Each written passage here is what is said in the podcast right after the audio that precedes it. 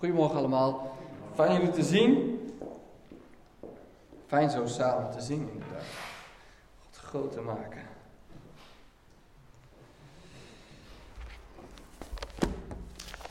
We gaan. Uh, we zijn de 40 dagen tijd ingegaan. Ik weet niet of je daar bewust van bent. Afgelopen woensdag um, kon je een askruisje halen Kon.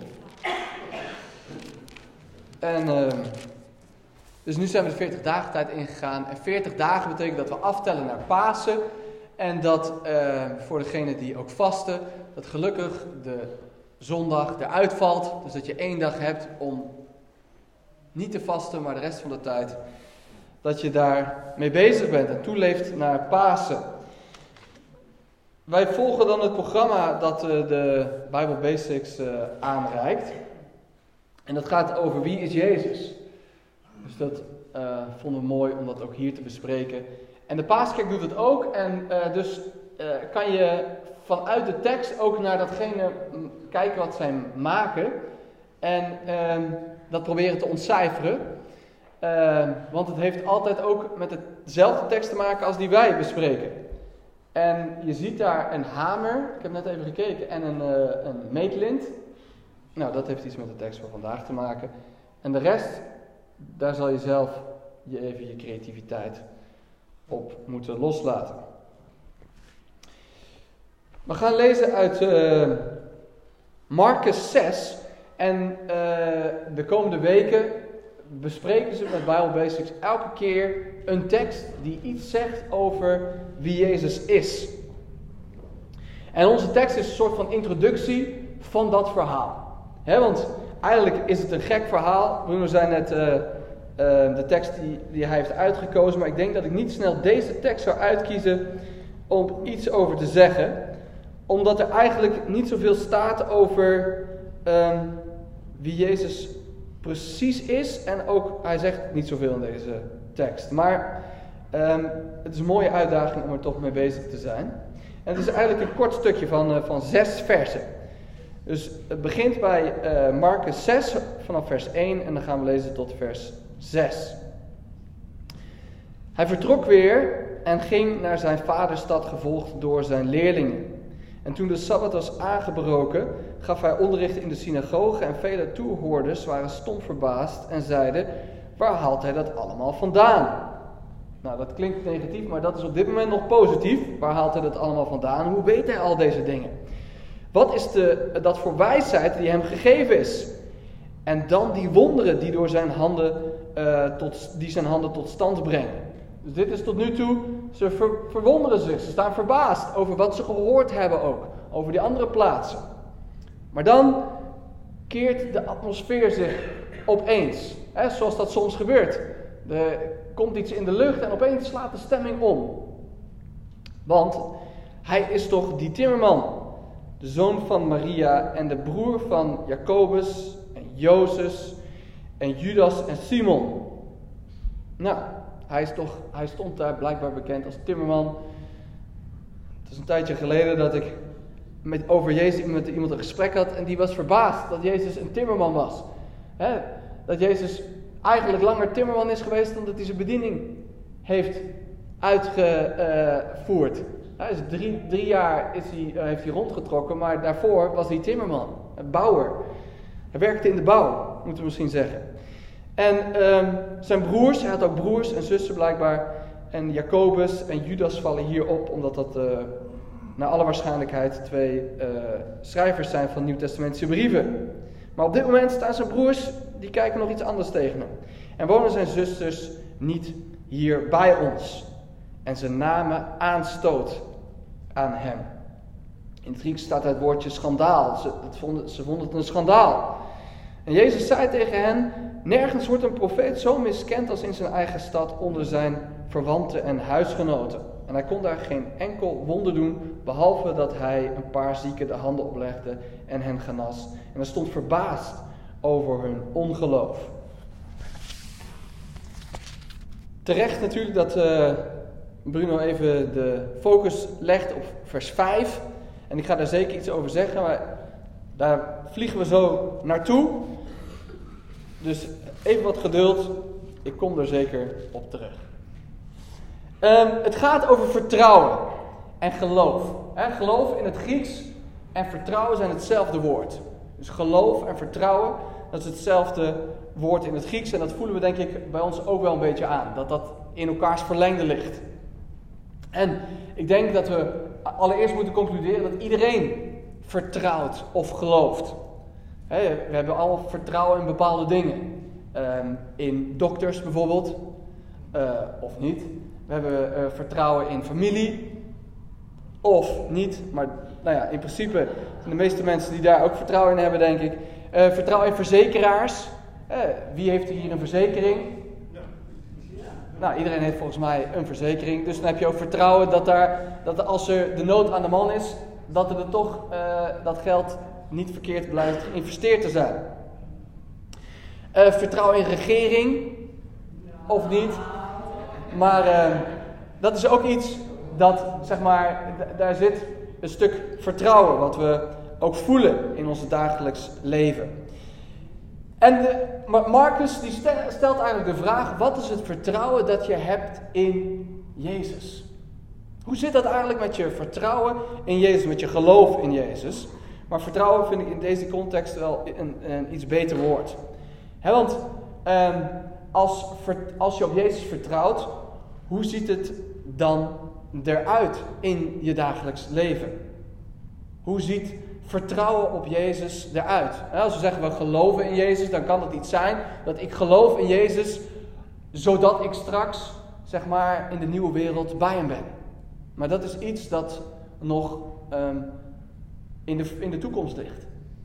Maar we kunnen ons afvragen, wat betekent dan die toekomst voor vandaag? En sowieso denk ik dat van twee kanten, wat betekent dat vertrouwen op Jezus voor ons vandaag?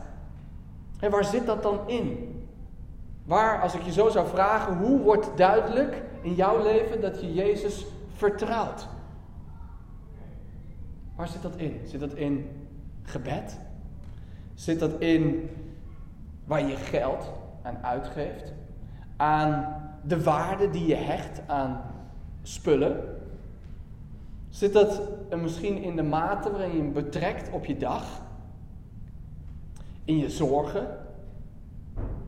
In je vallen en opstaan? Waar, waar, waar zit dat vertrouwen op Jezus gelokaliseerd in je leven? Waar komt dat tot uiting?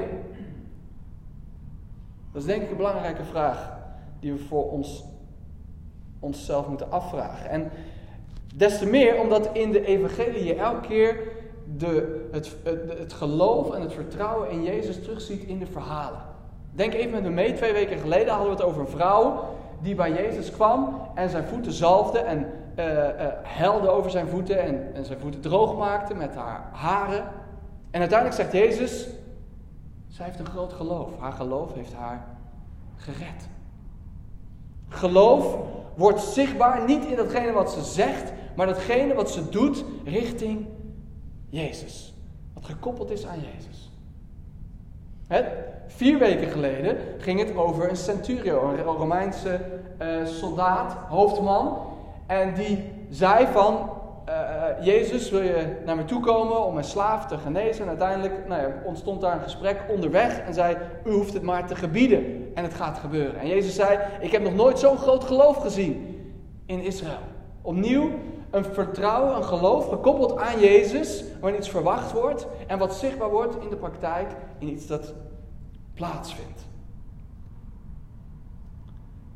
Al die verhalen worden interessant genoeg gekoppeld aan Jezus. Niet per se aan God, maar aan Jezus. Het is interessant om in de tekst ook te zien dat ze aanstoot namen aan Hem. Die mensen die daar stonden, die, die dachten helemaal niet van, oh, God is iets hier, iets bizars aan het doen of zo. Nou ja, God, dat was nog allemaal oké. Maar ze hadden iets tegen Jezus. Ze namen aanstoot aan Hem. Terwijl de tekst elke keer ons terugwijst, nee, kijk naar Jezus. Zie op Hem. Het is gekoppeld aan Jezus. Ons vertrouwen, ons geloof aan Jezus, dat is datgene waardoor dingen gebeuren. De vrouw, die kwam in geloof bij Jezus. Die centurion kwam in geloof bij Jezus. Het is gekoppeld aan Hem. En de belangrijkste keuze die we in ons leven kunnen maken is vertrouwen, geloven, onze hoop stellen op Jezus. En dan denk ik dat we in deze tijd sowieso even daar een kanttekening bij moeten zetten. Dat dat niet zo is als we geloven in Jezus, dat dat, dat een van de ballen is die wij in de lucht houden. Eh, ja, ik heb één bal en dat is het mijn geloof in Jezus. En dan nog andere, dat is mijn hobby en mijn werk. En dat zijn allemaal netjes gescheiden dingen. En het ene heeft nou, niet zo heel veel met het ander te maken. En uh, nou, ik, ik vink het bok, zeg maar af van religieus. Ja, ik heb een geloof. En daar houdt het dan bij op. Als het goed is, dan doet dat vertrouwen op Jezus iets met, met al die andere dingen. Dan heeft het impact op al die andere dingen. Als Jezus zegt, zoek eerst het koninkrijk van God, dan zegt hij daarmee ook natuurlijk dat het, dat het zeg maar eh, een, een belangrijke prioriteit heeft, maar dat volgens mij dat de rest daaromheen georganiseerd dient te worden. In onze tijd zetten we onszelf heel makkelijk in het middelpunt en daaromheen zijn alle dingen die we uh, in de lucht moeten houden, of die moeten organiseren, of die gedaan moeten worden. Maar wij zijn het middelpunt van alles. En volgens mij zegt Jezus, maar mag ik het middelpunt zijn van dat alles? Hey, deze week, zoals ik over nadacht, de aarde is niet het middelpunt um, van ons, ons, ons stukje van het heelal, maar de zon. En alles is daaromheen gecentreerd. En alles vindt, komt ook tot zijn doel op die manier. Als de aarde iets dichterbij zou staan of iets verder weg, dan zou het niet kloppen. Maar de aarde verhaalt zich op een bepaalde manier tot de zon en daarom kan er hier leven zijn.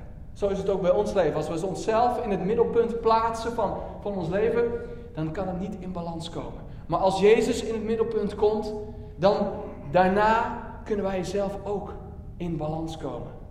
Als Hij zijn plek in kan nemen, dan kunnen wij ook onze plek innemen. Als Hij er is, dan kunnen wij er ook zijn. Zo werkt het in die volgorde.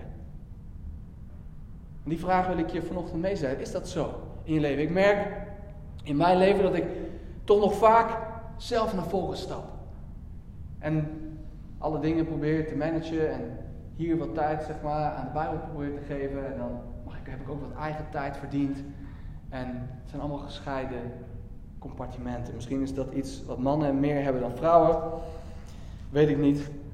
Maar ik denk dat het, voor, dat het in ieder geval voor iedereen een uitdaging is. En een constante vraag. Is Jezus het middelpunt waarom ik alles centreer?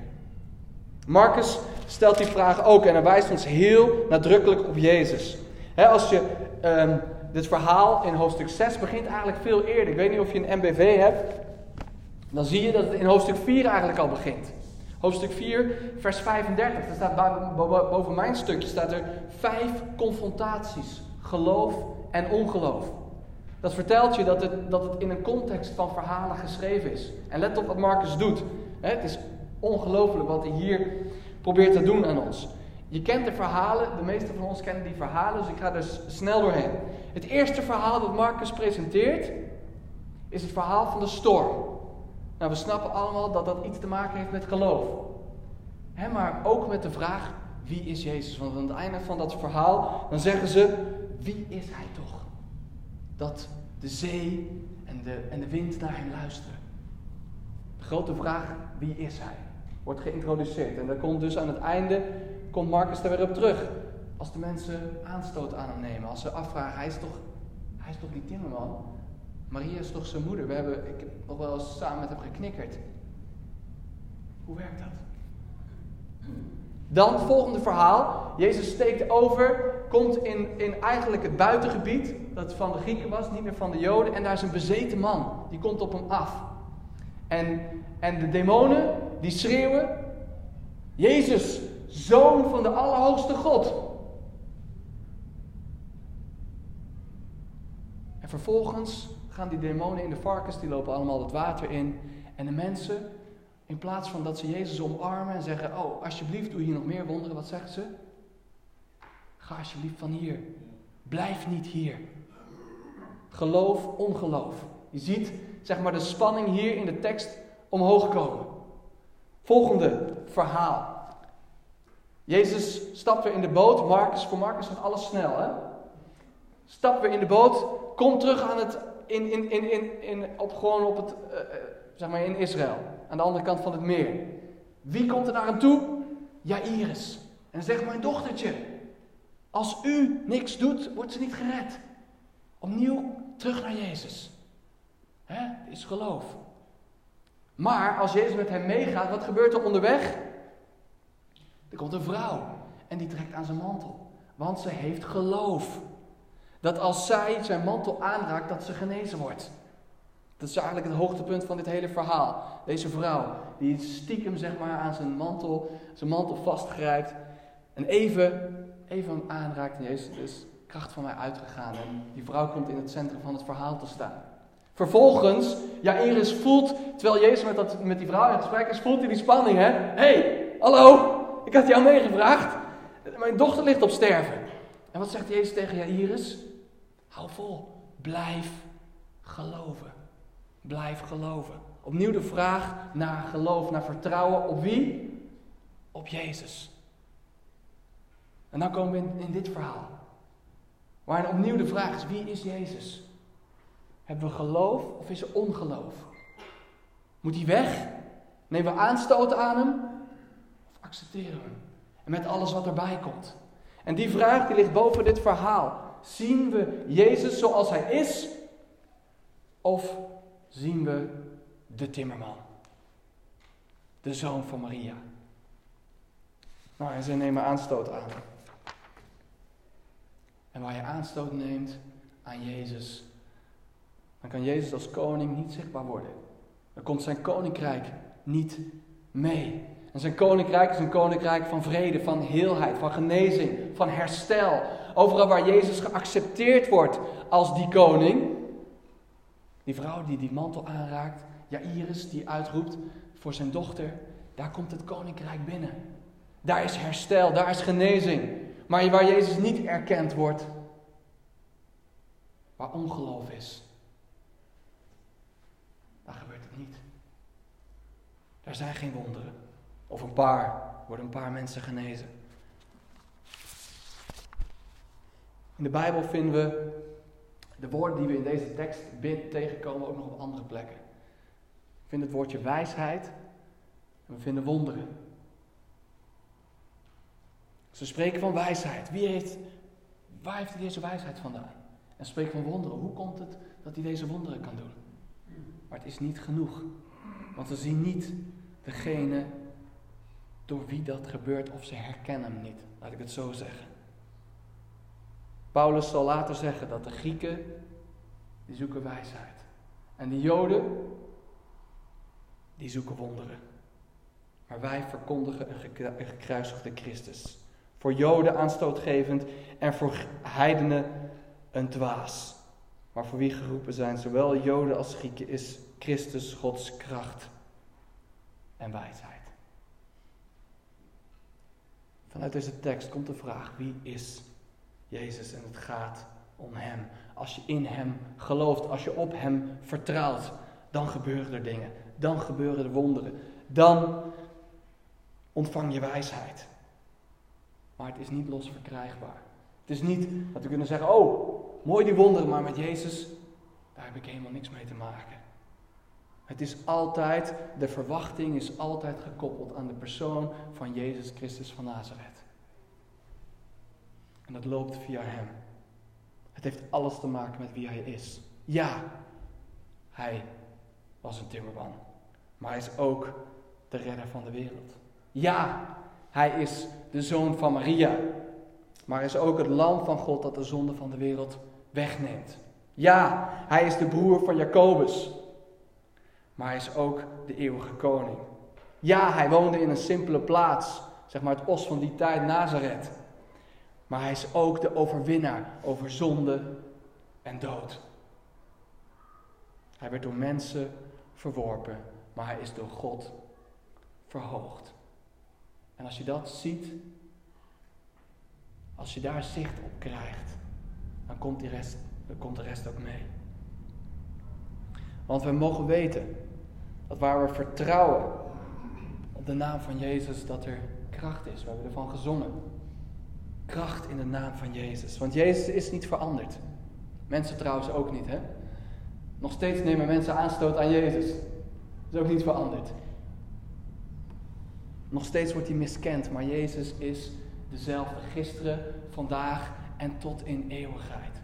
En dat betekent waar wij zijn naam uitspreken over situaties. Dat waar we in Hem geloven, op Hem vertrouwen. Dat we mogen weten dat Zijn koninkrijk daarin meekomt. Dat Zijn koninkrijk doorbreekt. En dat we toe mogen leven naar het moment waar het koninkrijk van God in al zijn volheid zichtbaar wordt. Maar dat we in, in verwachting op dit moment mogen leven, omdat als we de naam van Jezus uitspreken, dat dat koninkrijk hier en nu ook soms zichtbaar wordt. Dat als we dat, als de naam van Jezus uitspreken, dat er op dit moment wonderen gebeuren. Dat we op dit moment wijsheid ontvangen voor situaties. Zodat in vertrouwen bij Jezus neerleggen. Het betekent iets voor de toekomst, maar het betekent zeker ook iets voor vandaag. We mogen verwachtingsvol zijn. Want iedereen die zijn hoop, zijn vertrouwen, zijn geloof op Jezus stemt, die is een burger van de nieuwe wereld. Van de wereld die komen gaat. In Jezus zijn wij een nieuwe schepping. Dat betekent dat we een voorproefje zijn van datgene wat komen gaat. En dat we mogen bidden dat die wereld waarvan wij dat voorproefje al gehad hebben,